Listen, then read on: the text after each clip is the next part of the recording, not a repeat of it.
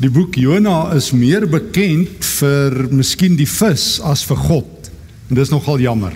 Dis jammer dat ons Jona beter ken oor die vis, maar maar die storie van Jona vertel die verhaal van die lewende God en dit vertel ietsie van jou en my.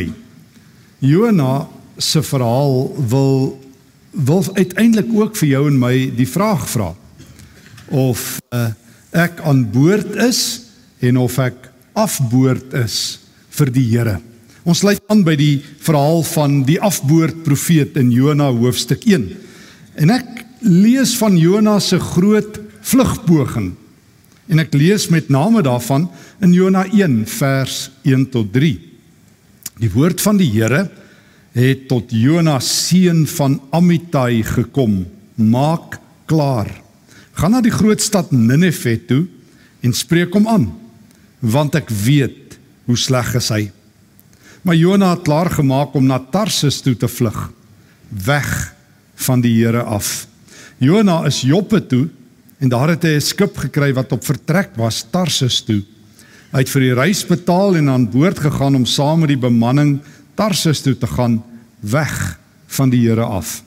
Weet jy dis verskriklik as een vers twee keer dieselfde woorde het weg van die Here weg van die Here. Dis Jona. Dit is nie ehm um, sommer maar net enige hier jy nie. Dis die man wat pas deur God geroep is, beopdrag is, per missie is, per sending is na na die stad Ninive toe. Wanneer die lewende God vir jou sê, maak klaar, ek wil jou in Ninive hê. Daar tussen nie Jode, sondaars, droogmakers, jy noem hulle, daar wil God sy profeet ontplooi. Daar is die Here se een man weermag. En Jona sê dit sal die dag wees, Here.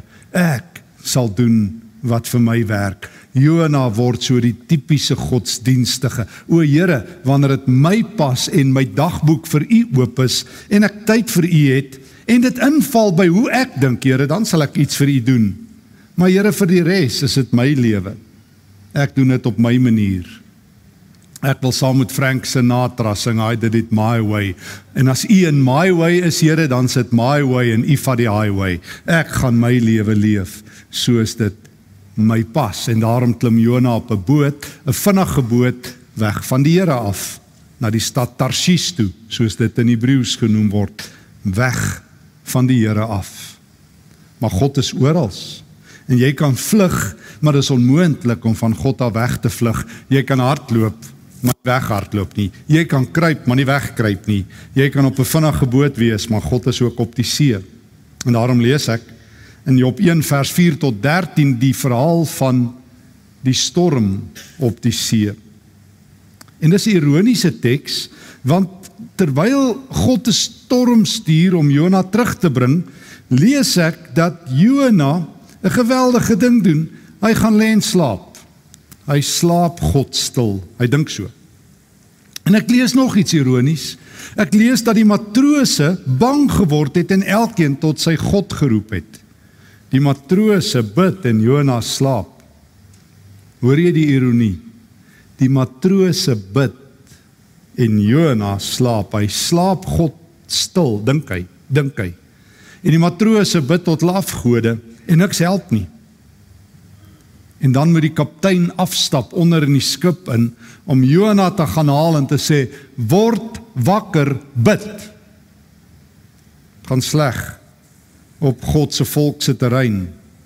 As 'n nie godsdienstige, as 'n heiden, die profeet van die Here moet wakker maak en sê bid. En dan dan kom die manne agter dat dit oor Jona is, dat daar 'n storm op die see is, vers 7. En dan vra hulle vir hom, dan vra hulle vir hom, um, Jona, wat gaan aan? Wat het jy gemaak dat jou God vir jou kwaad is? Dan antwoord hy Jona 1 vers 9. Geweldige ironiese woord, hoor net. Jona 1 vers 9. As hulle hom vra wie is hy dan sê hy ek is 'n Hebreër. Eers tweede sê hy, ek dien die God van die hemel wat die see en die vasteland gemaak het. In die eerste plek is ek 'n volksman, dan eers 'n godsman. My prioriteite loop so. Ek dien eers my mense en dan die Here. Ek wil nie in 'n heidense land wees, in 'n buiteland wees. Ek wil tussen my mense wees. En hy sê dit nogal ironies, hy dien die Here.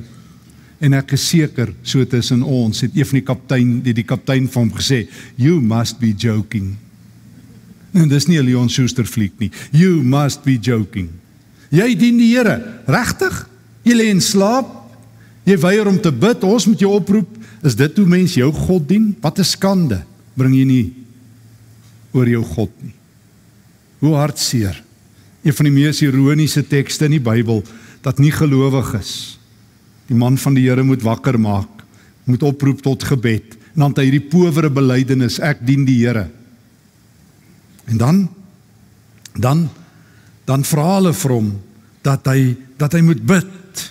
En dan vir die eerste keer, dis aangrypend in Jona 1 vers 14. Geliefdes, dit ruk my in die hart vir die eerste keer begin die heidene tot die ware God bid.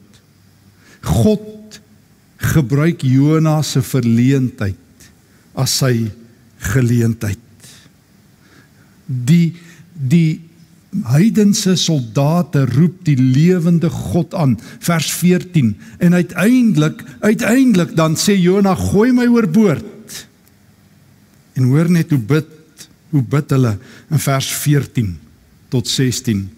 Toe bid hulle tot die Here en sê: Ag Here, moet ons nie laat vergaan oor hierdie man nie. Moenie dat ons iemand onskuldig doodmaak nie. U is die Here. U doen wat u wil. Hulle vat Jona toe en gooi hom in die see. Die storm op die see het bedaar. Die manne het baie bang geword vir die Here en hulle het vir hom 'n offer gebring en geloftes afgelê. Weet julle wat gebeur op hierdie skip? Deur Jona se fout bring God mense tot redding. Is dit nie aangrypend nie? Dink gou vir 'n oomblik saam met my. Jonah vlug. Hy hy gee vir God sy rug, so dink hy. Maar hy sien alweer God se gesig voor hom want God is aan boord. En God gebruik Jonah se fout. Want jy moenie dink vir een oomblik God is skaakmat as jy die skuif gemaak het in die hoeke nie. Jy moenie dink jou verleentheid is God se nie. Jy moenie dink God kan niks doen as jy stil is nie. Jy moenie dink God is van jou afhanklik nie. Dis die les wat ek by Jona leer. So God is aan diens al is jy afdiens. God is aan boord al probeer jy om stil slaap. God is besig om te red. Hy vat selfs die ompad wat Jona loop weg van die Here af en in daardie ompad red God die matrose aan boord.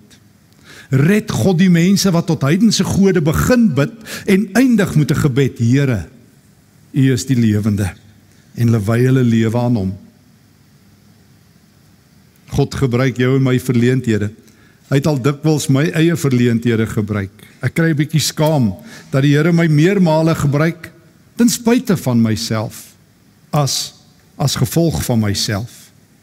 Maar feit is hoor dit weer 'n keer God is nooit skaakmat nie. Ek het nie die laaste skuif nie. God het.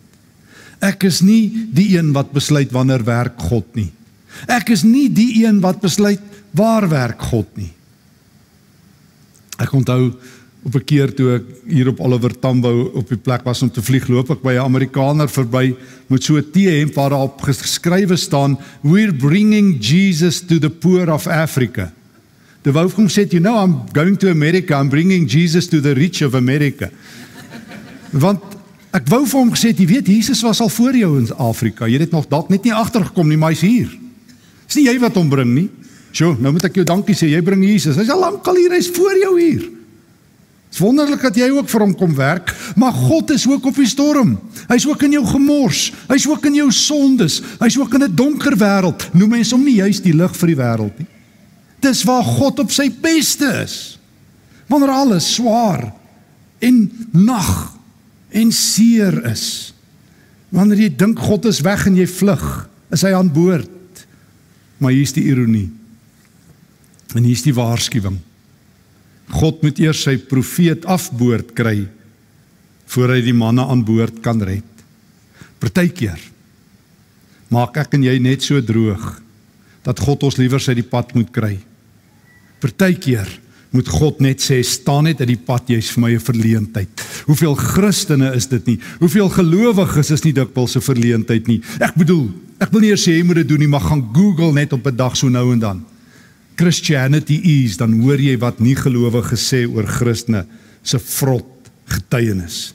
Dit breek my hart as elke tweede sakeman vir my sê ek doen nie besigheid met ou wat vir my sê hy het 'n Bybelversie agter op sy kar of wat vir my sê hy is 'n Christen nie. Ek vertrou hulle nie. Dit breek my hart dat Christene twee stelle waardes het, een vir die kerk en een vir die werk.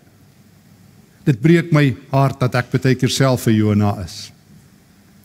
En dat God my eers afboord moet kry voordat hy aanboord iets kan doen. O God sal jou verleentheid gebruik, maar moenie laat hy dit elke keer doen nie asseblief. O God sal jou sondes gebruik, maar dis nie hoe hy wil werk nie. Hy wil jou hê as 'n heilige. Hy wil 'n beter storie met jou lewe skryf en vertel. Hy wil jou aan boord hou, nie afboord nie.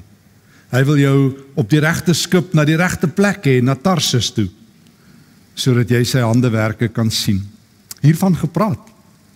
Mag ek jou vat na 'n groot ander boot storie toe. Na Handelinge 27, ons tweede bootverhaal waarby ons volgens stil staan. Handelinge 27. Nog 'n man van die Here is op 'n boot. Hierdie keer sluit ons aan Handelinge 27 by die apostel Paulus. Paulus, die agtergrond, sit nou vir meer as 2 jaar in die tronk. Jy kan lees van Handelinge 25 26 24 Paulus was 'n gevangene daar in die stad Caesarea ehm um, waar die Romeinse ehm um, goewerneur gebly het. En vir 2 jaar probeer Paulus ehm um, om net 'n billike verhoor te kry en uiteindelik beroep hy hom op die Romeinse keiser. Enige Romeinse burger kon en dan moet jy in Rome voor die keiser verskyn. En nou moet hulle Paulus daar uit Israel uit wegkry en hulle sit hom op 'n boot saam met Romeinse soldate op pad Rome toe. En nou vertel Lukas vir ons in groot detail in hoofstuk 27 en ek sal so 'n stukkie saam met jou lees, maar die hele hoofstuk is te lank. Maar dit vertel dat dit amper winter is. Trouwens, dit is eintlik winter en skepe ry nie in die in, in die Romeinse ryk in daai tyd in die winter op see nie. Dis te gevaarlik geweest. En dan is Paulus op hierdie boot gaan hy ook afboord gaan of gaan hy aan boord bly? Kom ons kyk. Ons lees um, en ek sluit sommer so 'n stukkie aan. Ek wil ek wil sommer so lees daarvan af vers 7 van Handelinge 27. As Paulus nou op die boot is. Hy sê ons het en en die skrywer is Lukas, die skrywer van die evangelie, hy saam met Paulus. Hy sê ons het daar lank stadig gevaar en met moeite reg oor Knides gekom En dan soos hulle daar aankom, ehm um, toe die wind ons nie toegelaat om verder op die koers voort te gaan nie, het ons aan die beskutte kant van Kreta by Salmoni verbygevaar. Ons het met moeite langs die kus opgevaar en 'n plek met die naam Mooi Hawens bereik naby die stad Lasea. Vers 9. Ons het baie tyd verloor en dit het al gevaarlik geword vir skeepvaart want dit het al begin winter word. Paulus waarsku hulle toe manne ek sien dat ons vaart van nou af gevaarlik sal wees en dat daar nie net groot skade aan die vrag en aan die skip gaan kom nie maar ook lewensverlies. Die Romeinse offisier het egter meer waarde geheg aan die mening van die kaptein en die eienaar van die skip as aan wat Paulus gesê het. Um hy het geweet hulle moenie en hulle het toe besluit om verder te vaar want hulle het nou besluit die hawe was nie geskik om te oorwinter nie. Lees ek in vers 12 en die meeste wou liewer daarvan af wegvaar en probeer om Phoenix te bereik. Phoenix was 'n hawe van Kreta wat suidwes en noordwes see toe oop lê. Daar sou hulle kon oorwinter. Paulus is aan boord op die skip. Net soos Jonah, maar hy's helder wakker. Jonah slaap, Paulus is aan boord en wakker. Paulus weet hy gaan om gevang te word om uiteindelik doodgemaak te word. En Paulus hoor by die Here as hierdie skip verder ry, gaan daar lewensverlies wees. En hy sê dit. En die ouens sê nee wat, ons geld maak meer vir ons saak, ons ry na 'n ander hawe toe. Nou vertel Lukas vir ons vanaf vers 13 in Handelinge 27 hoe hierdie skip aanhou ry. En en ek wil graag so 'n paar stukkies saam met jou lees vanaf vers 18. Kom ons lees so 'n stukkie, dis so 'n aangrypende teks. Handelinge 27. Ons hoor vers 18, omdat ons swaar gekry het in die storm, het hulle die volgende dag die skip se vrag oorboord begin gooi. Nou moet jy onthou dis 'n handelsskip, so dis 'n baie duur oefening om jou lewe te red. Gooi hulle die vrag oor. Die dag daarna het hulle ook eie handig die skip se toerusting in die see gegooi. Daar lank was die son en die sterre nie te sien nie en het die geweldige wind voortgewoed. Uiteindelik het ons almal alle hoop laat vaar om gered te word. Verskriklike woord, dis die einde. Nadat hulle lank tyd nie meer geëet het nie, vers 21 het Paulus tussen hulle gaan staan en gesê: "Manne, julle moes na my geluister het en nie van Kreta af weggevaar het nie. Dan sou ons hierdie ramp en skade vrygespring het. Maar selfs in hierdie omstandighede vra ek julle, hou moed. Niemand van julle sal sy lewe verloor nie. Net die vrag van die skip sal vergaan, net die skip self. Dan sê hy in vers 23 verlede nag het daar 'n engel aan my verskyn van die God aan wie ek behoort en wat ek dien. Jy sien God is aan boord. Net soos my Jona, is God aan boord. Selfs in die storm van Jona is God aan boord. Selfs in die storm van Paulus is God aan boord. Hy's nie afboord en skree aanwysings daar van die kant af nie. En God praat. In hierdie nag het die engel van die Here, kom ons lees verder, vers 24. Die engel het vir my gesê moenie bang wees nie Paulus. Jy moet voor die keiser verskyn. En ter wille van jou, hoor nou, spaar God in sy goedheid die lewe van almal wat saam met jou hier op die skip is. Daarom, vers 25, hou moed manne. Ek vertrou op God dat alles net so sal gebeur soos wat hy vir my gesê het. Dit is so bestem dat ons eers op 'n eiland moet strand. Anders as met Jona. Anders as met Jona is God se gehoorsame knegg Paulus aan boord. En daarom besluit God hy red die skip se bemanning. Onthou jy Paulus se eerste woorde? Daar sal lewensverlies wees.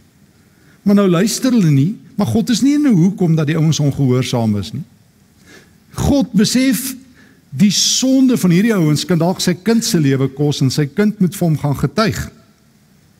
En dan besluit God hy gaan die mense aan boord red. En net vir ingeval jy gewonder het, vers 37 sê vir my, ons was altesaam 276 mense aan boord. Terwille van die man van die Here red God 276 lewens. O, God moet eers vir Jona afboord kry, maar vir Paulus moet hy aan boord hou om die lewens van die mense te red. Die vrag kan hulle verloor, die skip kan hulle verloor, maar mense maak vir God saak. En hoekom hoekom hoekom red God hulle? Want sy kind is aan boord. O, wanneer God 'n Christen in 'n maatskappy het, wanneer hy 'n Christen in 'n familie het, wanneer hy 'n Christen op 'n sekere plek het, kan duisende gered word. Erns het ons hierdie ding in ons koppe. Ons moet eers baie Christene wees voordat die Here iets kan doen. Ons moet die ouens met getalle oorweldig. Ja, getalle maak saak ook, sien onbelangrik nie. Maar God kan met een man, een vrou, een kind, een jong mens, een ouer persoon, 'n boot, 'n vliegtyg, 'n stad, 'n huis red hiervan gepraat. Ek onthou klompe jare gelede, 16, 17 jaar gelede, iemand wat ek geken het in Nieu-Seeland, hy was 'n advokaat daar.